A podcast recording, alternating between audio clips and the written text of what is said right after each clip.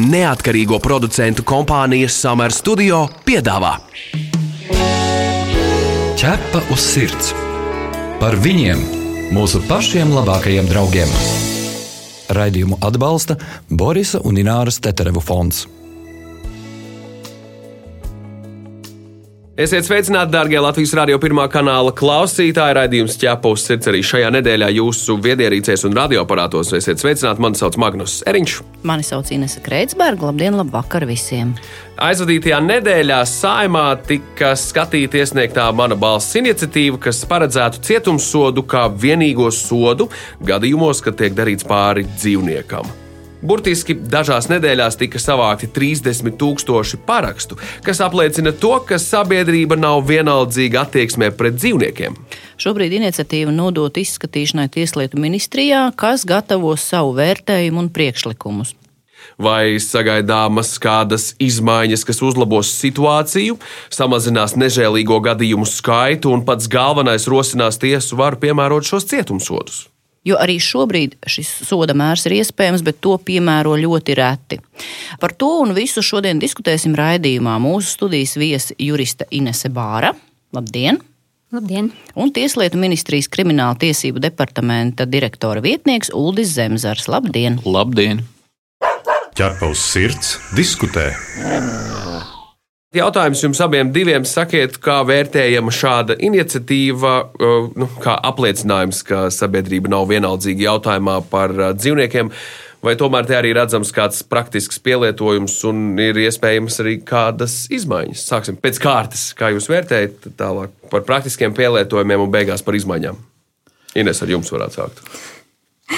Šī iniciatīva savu aktualitāti parādīja ar sabiedrības attieksmi, jo tas bija rekordliels ātrums, kādā tika savākt šie 10,000 paraksti. 30. Līdz galam tie ir 30,000, jā, bet vienkārši tas ātrums, kādā bija 10,000, tā bija diennakts vai divu diennakts laikā. Tas, laikā. tas bija ātrākais, kas, laikam, mana balss iniciatīvās ir bijis.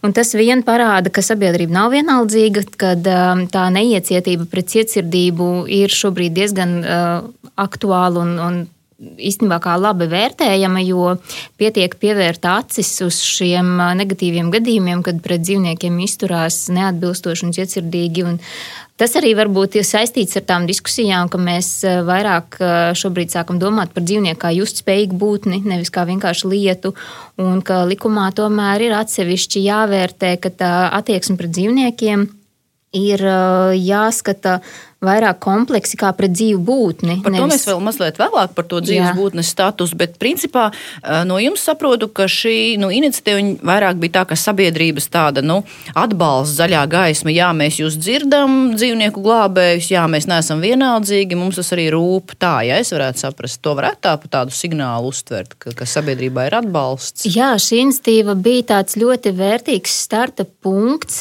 kāpēc arī pēc tam vasarā profesora Liholai, piemēram, piemēram, uzrakstīja šo pētījumu par spriedumiem, kāpēc pēc tam arī vairākas citas institīvas izvērtās tieši saistībā ar to, ka dzīvnieku aizsargi sajūt šo sabiedrības atbalstu, un tas ir ļoti vajadzīgs, kad nevis mēs vienkārši kaut kādu atsevišķu interešu grupējam un aizstāvam šīs dzīvnieku intereses, bet kad mums ir arī aizmugurē šie sabiedrības paraksti, ka mēs esam pārliecināti, ka tas, ko mēs darām, tas ir vērtīgi, tas ir vajadzīgi. Kā jums liekas? Jā, es piekrītu, šī iniciatīva ir uh, aktualizēta un viņa ir um, parāda ar to parakstu skaitu 30 tūkstoši, kad sabiedrība nav vienaldzīga. Šis uh, jautājums ir sabiedrība uztrauc, ir aktuāls un līdz ar to arī, ja, ja sabiedrība ir gatava pieprasīt bargāku reakciju uz šādiem nodarījumiem, kas saistīti ar vardarbību pret dzīvniekiem, tad faktiski sabiedrība arī kopumā eh, vērtē jebkādu veidu vardarbību kā nepieņemumu un sagaida arī no valsts atbilstošu reakciju uz šādiem nodarījumiem. Līdz ar to šī iniciatīva ir eh, būtiski viņu izvērtēt arī ekspertu līmenī un piedāvāt attiecīgus priekšlikumus krimināla likuma uzlabošanai, lai šie nodarījumi smagākajos gadījumos, kad dzīvnieks ir gājis bojā vai sakropļots, tiktu pastiprināti sodīti. Nu, kā jūs to uztverat? Vai šī iniciatīva ir kas likumā izpratnē līdz šim nepieredzēts un kaut ko mainīt būs grūti, ja tas tā nav? No vienas puses, krimināla likums ir strukturēts diezgan sistemātiski. Un sodi ir sadalīti atbilstoši nodarījuma kaitīgumam un bīstamībai. Un, uh, ir principi izstrādāti, kādos gadījumos uh, bez brīvības atņemšanas ir paredzēti arī alternatīvie brīvības atņemšanai sodi, tādi kā probācijas uzraudzība, sabiedriskais darbs vai naudas sots. Un, attiecīgi, tikai īpaši smagos uh, gadījumos, sevišķi smagos un smagos noziegumu gadījumos ir paredzēta tikai brīvības atņemšana bez, bez alternatīviem sodiem. Šajā konkrētajā pantā, kas ir 230. krimināla likuma pants, ir divas daļas, un abās ir paredzēts bez brīvības atņemšanas arī šie alternatīvie sodi. Un tā, tā, tā iniciatīva faktiski ir par to, ka izdalīt atsevišķu vēl vienu trešo daļu šajā pantā, Un gadījumos, kad dzīvnieks ir gājis bojā vai sakropļots, pie spīdzināšanas gadījumiem, savukārt cietsirdības gadījumā, ja viņš gājis bojā, tad paredzēt tikai brīvības atņemšanu, neparedzēt nekādu alternatīvu.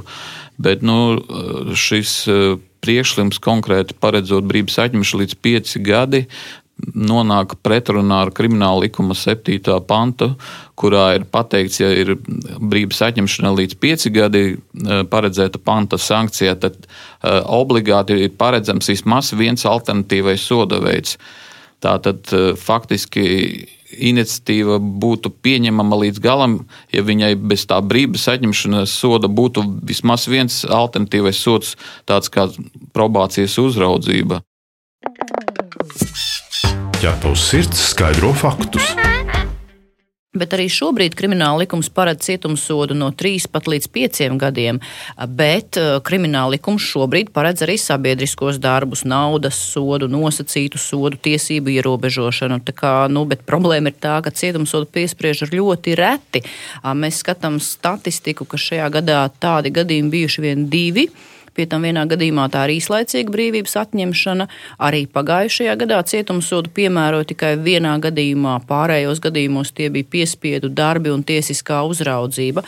Ko mēs no tā secinām? Ka likums var paredzēt dažādas opcijas, bet realitāti jau veido tiesneši, kas izvēlas piespriest tos sodus, kurus piespriež.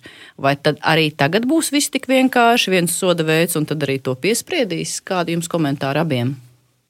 Sodu politikai arī ir savi principi, kas ir jāievēro, un to arī atzīst tiesneši, ka, nu, ja viņi neievēro šos principus, tad tie spriedumi ir pārsūdzami, un tad vispār var palikt bez soda beig beigās, ja neievēro šo procesuālo kārtību, kā veidojās tā soda noteikšana.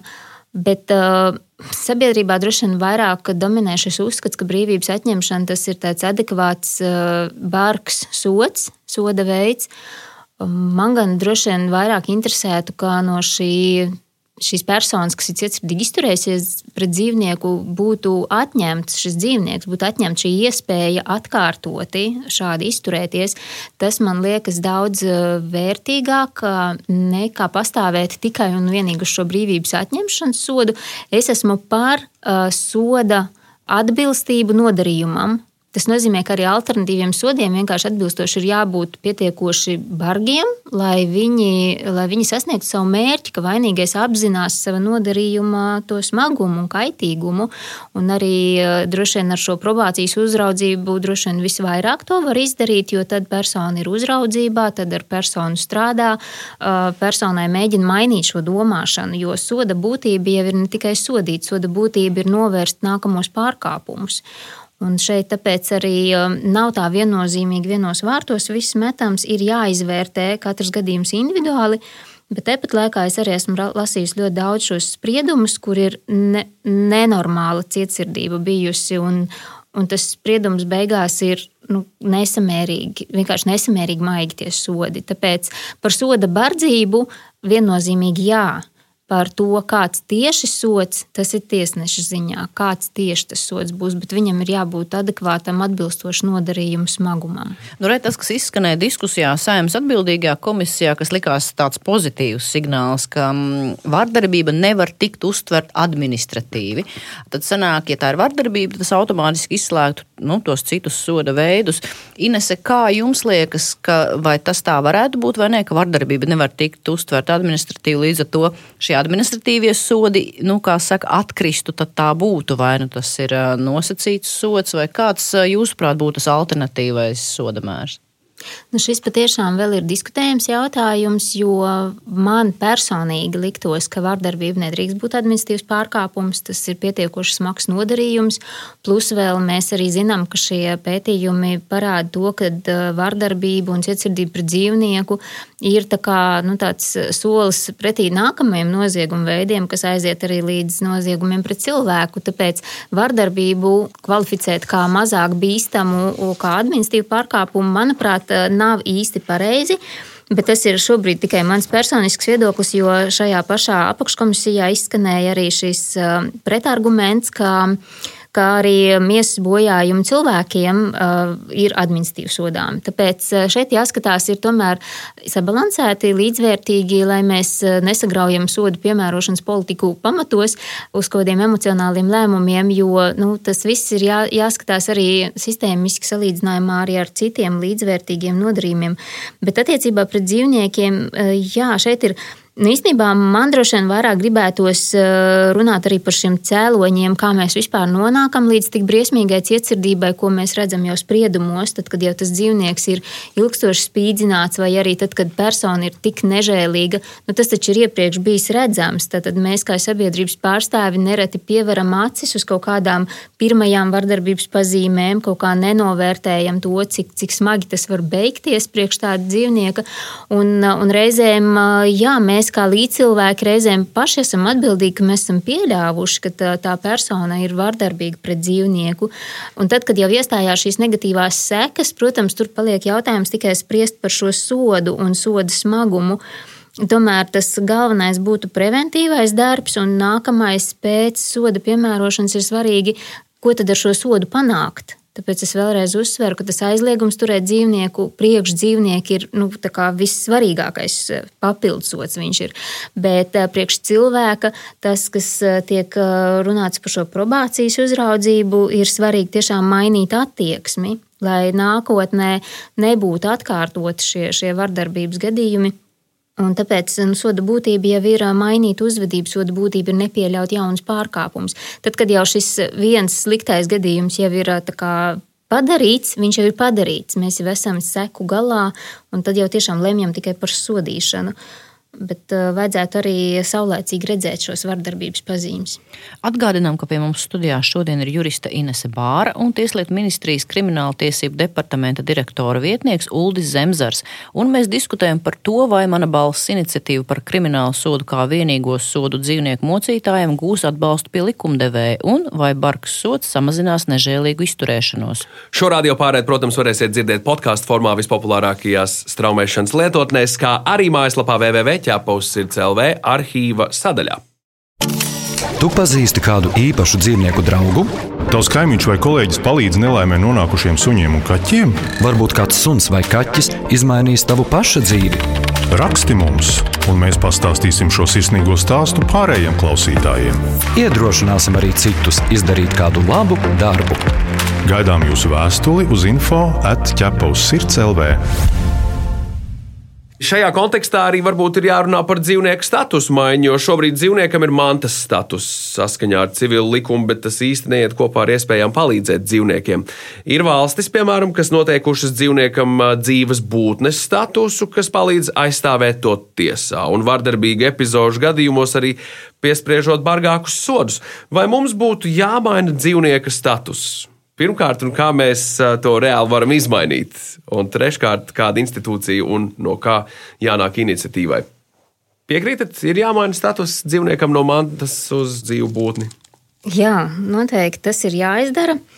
Ja runājam par tādu paplašinātu normu interpretāciju, tad dzīvnieku aizsardzības likums jau šobrīd pasaka, ka īpašniekam ir civil likumā noteiktā vara, izņemot speciālajos normatīvos aktos noteikto.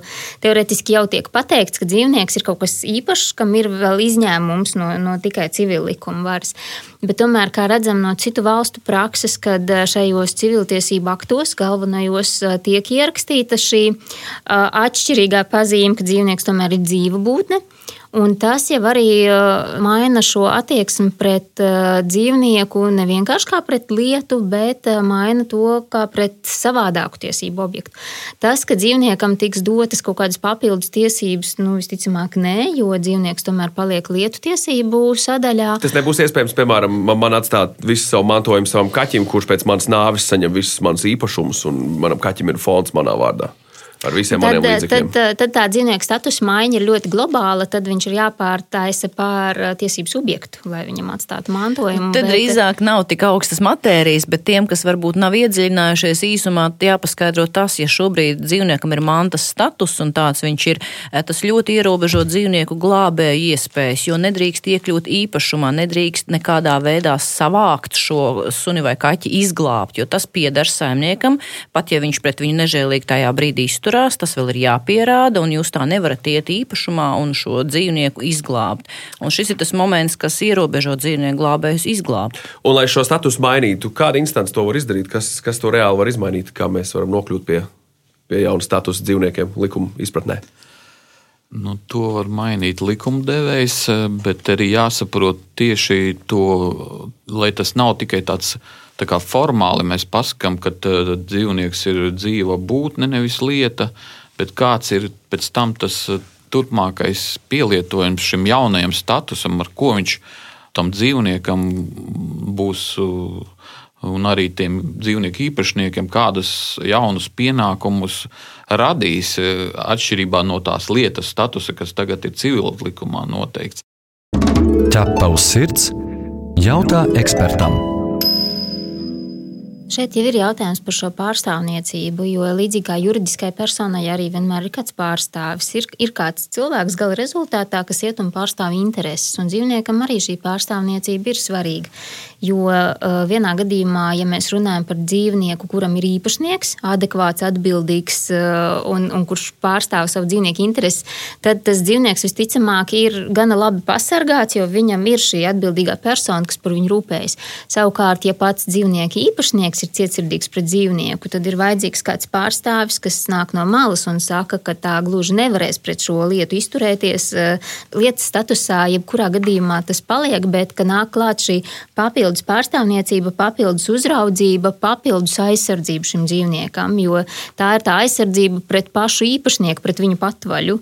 Jo tad, kad īpašnieks eh, pret dzīvnieku izturas kā, kā jūsu raidījuma auditorija, kā pret ģimenes locekli, tad mēs nerunājam šeit par cietsirdībām, mēs nerunājam par pārdarījumiem dzīvniekam, jo pret ģimenes locekļiem mēs eh, atbilstoši izturamies. Bet eh, tie gadījumi, kas nonāk līdz tiesai pēc krimināla likuma 203. panta, tur tas dzīvnieks nav bijis ģimenes loceklis. Pat ja viņš ir bijis, tad tā ir dīvaina izpratne par ģimenes locekli bijusi, ja, ja viņš ir jāsit un jāprok dzīvs vai jākar vai jādedzina.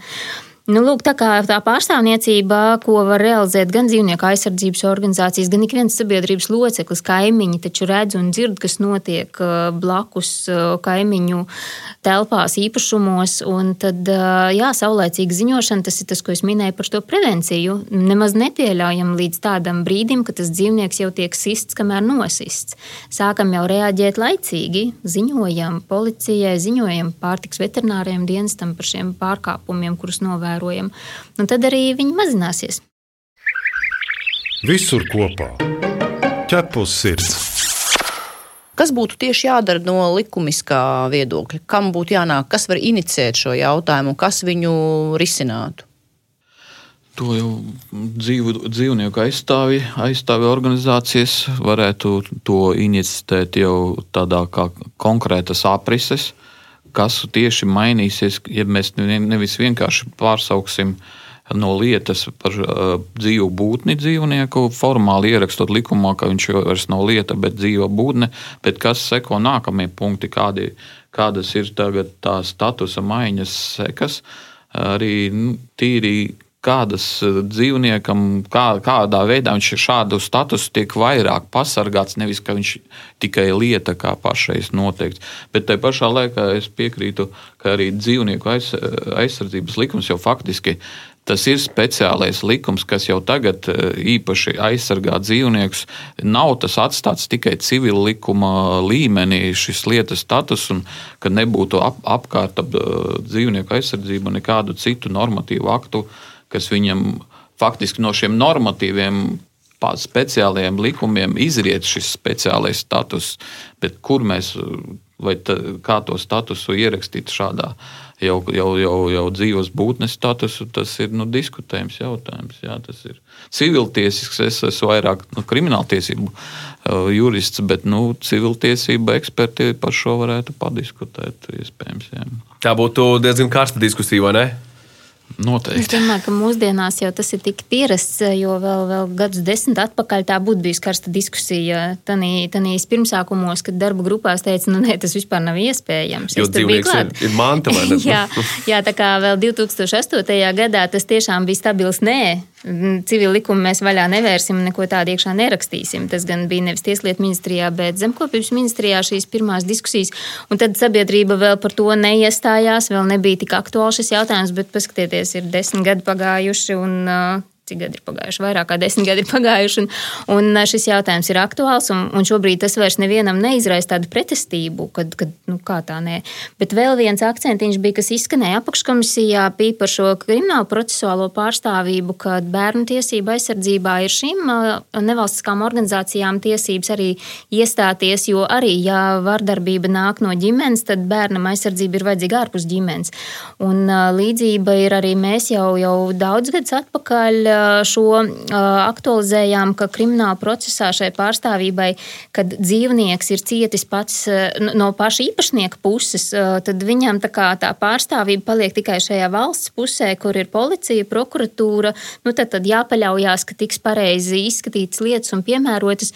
Un šeit dzīvnieku aizsardzības organizācijas arī nu, dod to savu ieguldījumu mēs, mēs mēģinām arī parādīt plašāk šo, šo skatījumu arī uz tām tiesību normām, kas ir dzīvnieku aizsardzības normas, lai, lai tā piemērošana būtu adekvāta. Un, un tāpēc viens no jautājumiem, kas apakškomisijā arī izskanēja, ka arī šajā krimināla procesa likumā varētu skatīt šīs iespējas, kā dot dzīvnieku aizsardzības organizācijām kaut kāda šo statusu papildus, kad mēs esam nevis vienkārši kā parasts sabiedrības loceklis ar iesniegumu tiesībām, ka mēs vienkārši uzrakstam saņemam iesniegumu, bet mēs neesam procesa dalībnieki, mēs neesam nu, piesaistīti šai lietai. Mums pat nav īsti tiesību tur iet un kaut kādas pierādījumus vēl papildus sniegt vai kā. Nu, mēs esam vienkārši tāds, tāds pats individs kā jebkurš iedzīvotājs. Tā kā jā, vēl krimināla procesuālā kārtībā varētu atrast kādu risinājumu, kā šī dzīvnieku aizsardzības organizācija arī šajā procesuālajā pārstāvībā var piedalīties. Tad Bet arī policija, tie dzīvnieku advokāti rodās. Policija, pašvaldības policija varbūt viņa, lai to savu darbu izdara vispirms, un tikai tad dzīvnieku glābējiem būtu jāiesaistās. Jo, ja valsts policija vai pašvaldība neiesaistās, nu, tad īsti tur glābējiem iet pa priekšu, vai tas ir labi? Runa ir par sadarbību. Nevis tā, ka kāds iet pa priekšu, bet par sadarbību. Jo tajā brīdī, kad policijas amatpersona ierodās notikuma vietā, ja ir kāds ar plašākām zināšanām dzīvnieku aizsardzības jomā, viņš vienkārši parāda tos akcentus, kam pievērst uzmanību, kas ir tie galvenie pierādījumi, ko uzreiz uz vietas var izdarīt. Eh, plus vēl arī kaut vai to pašu, kad izvērtējot situāciju, vai dzīvnieks ir jāizņem no šīs adreses, vai, eh, vai dzīvnieks drīkst palikt tur, jo tas arī ir svarīgi, kas tam dzīvniekam reāli ir nodarīts, vai viņi vispār drīkst atstāt šīs personas turējumā. Jo eh, šobrīd kad... tas ir pārtiks veterinārā dienesta uzraudzībā, bet īstenībā zinot, ka viņiem trūks gan gan kapacitātes, gan finanšu, bieži arī šie jautājumi netiek risināti. Tad sanāk patiesībā valsts policija vai pašvaldība šobrīd ar to jātiek galā. Tā sanāk. Administratīvie pārkāpumi ir pārtiks veterinārais dienests, savukārt, tur, kur ir noziedzīgie nodarījumi, tā ir policija. Un uh, pašvaldības policija arī ir klātesoša. Es te tagad vairs nevarēšu tik, tik smalki nokomentēt, bet uh, Teorētiski šīs ir kompetentās personas, kurām ir kaut kādi šie procesuālie pilnvarojumi, kurus to, to drīkst gan uzsākt šos procesus, gan viņus turpināt, gan vākt pierādījumus. Un dzīvnieku aizsardzības organizācijas šeit var kā eksperti nākt talkā, kas palīdz tiešām to lietu novest līdz tādam finišam, kur vainīgais tiek saukts pie atbildības. Jo tad, kad ir šī lieta izskatīta kaut kā virspusēji vai, vai vispār ir atteikts izskatīt vai uzsākt šos procesus, nu, tad radās tāda. Tā kā bezatbildības sajūta, kad ar dzīvniekiem var darīt, ko grib, un, un tas tiek uzskatīts kā kaut kāds mazāk svarīgs nodarījums. Tas ir arī varbūt svarīgi ar šo pilsonisko iniciatīvu, kas bija panākts, ka mēs pievēršam uzmanību, ka tas nav mazsvarīgs nodarījums. Tas ir bīstams, vardarbība ir bīstama jebkurā gadījumā. Un, un tāpēc eh, tas ir jārisina adekvāti tai bīstamības pakāpei. Ķepa uz sirds, suņu būda. Ir 30. oktobris 2023. gadā. Es gribētu, un man šķiet, ka daudz, daudz, daudz cilvēku, kas ir parakstījušies manu balsu LV ietvaros šajā iniciatīvā, un, un tie, kas sako līdzi un, un domā par šādām lietām, gribētu saprast, kas tad tālāk notiks ar šo iniciatīvu. Tieslietu ministrija vērtē, kas notiek tālāk, izstāstiet par, par šo procesu daļu. Jā, tātad Tieslietu ministrijā būs patstāvīgā krimināllikuma darba grupa šo jautājumu mm, e, skatīs jau rītā. Tur piedalīsies gan e, dzīvnieku aizsardzības organizāciju pārstāvi, gan arī eksperti no dažādām iestādēm, tā skaitā policijas, prokuratūras, tiesneši, e, arī no Latvijas universitātes. Un tad skatīsim gan šo iniciatīvu, gan iespējams piedāvāsim kādu alternatīvu, kā šo redakciju uzlabot. Bet eh, mērķis ir saprotams, atbilstoši iniciatīvai, tātad pastiprināt šo kriminālu atbildību par cietsirdību un spīdzināšanu dzīvnieku, īpaši smagākajos tajos gadījumos, kad viņi gājuši bojā vai ir sakropļoti. Un, attiecīgi, tālāk, kad uh, būs skaidrība par uh, optimāli labāko redakcionālo piedāvājumu. Sūtīsim šo piedāvājumu uz uh, Saimas juridisko komisiju un ceram, ka komisija varēs virzīt viņu kā savu likuma projektu pirmajam lasījumam. Nu, noslēgumā varbūt tāda replika no manas puses. Vai neliekas arī tas, ka trūkst informācijas pašiem tiesnešiem par to, ko nozīmē vardarbība pret dzīvnieku, kādas sāpes, ciešanas tas piedzīvo? Varbūt bieži tie birokrātijas džungļi, tas papīra apjoms neļauj iedziļināties. Varbūt tās viņi ir jāapmāca, jāuzrunā. Latvijā jau nu, mums nav daudz tiesnešu, cik viņi ir simts. Nu, paņemam, uz, uzrīkojam kādu semināru, saorganizējam ar atbildīgiem lektoriem, varbūt ārzemju pieredze, varbūt ir šis izglītojošais darbs tieši ar tiesnešiem jāveic. Kā jūs komentētu šo ideju? Manuprāt, diezgan labs starts jau bija šis jurista vārdā publicētais pētījums par piemērotajiem sodiem un spriedumu analīzi.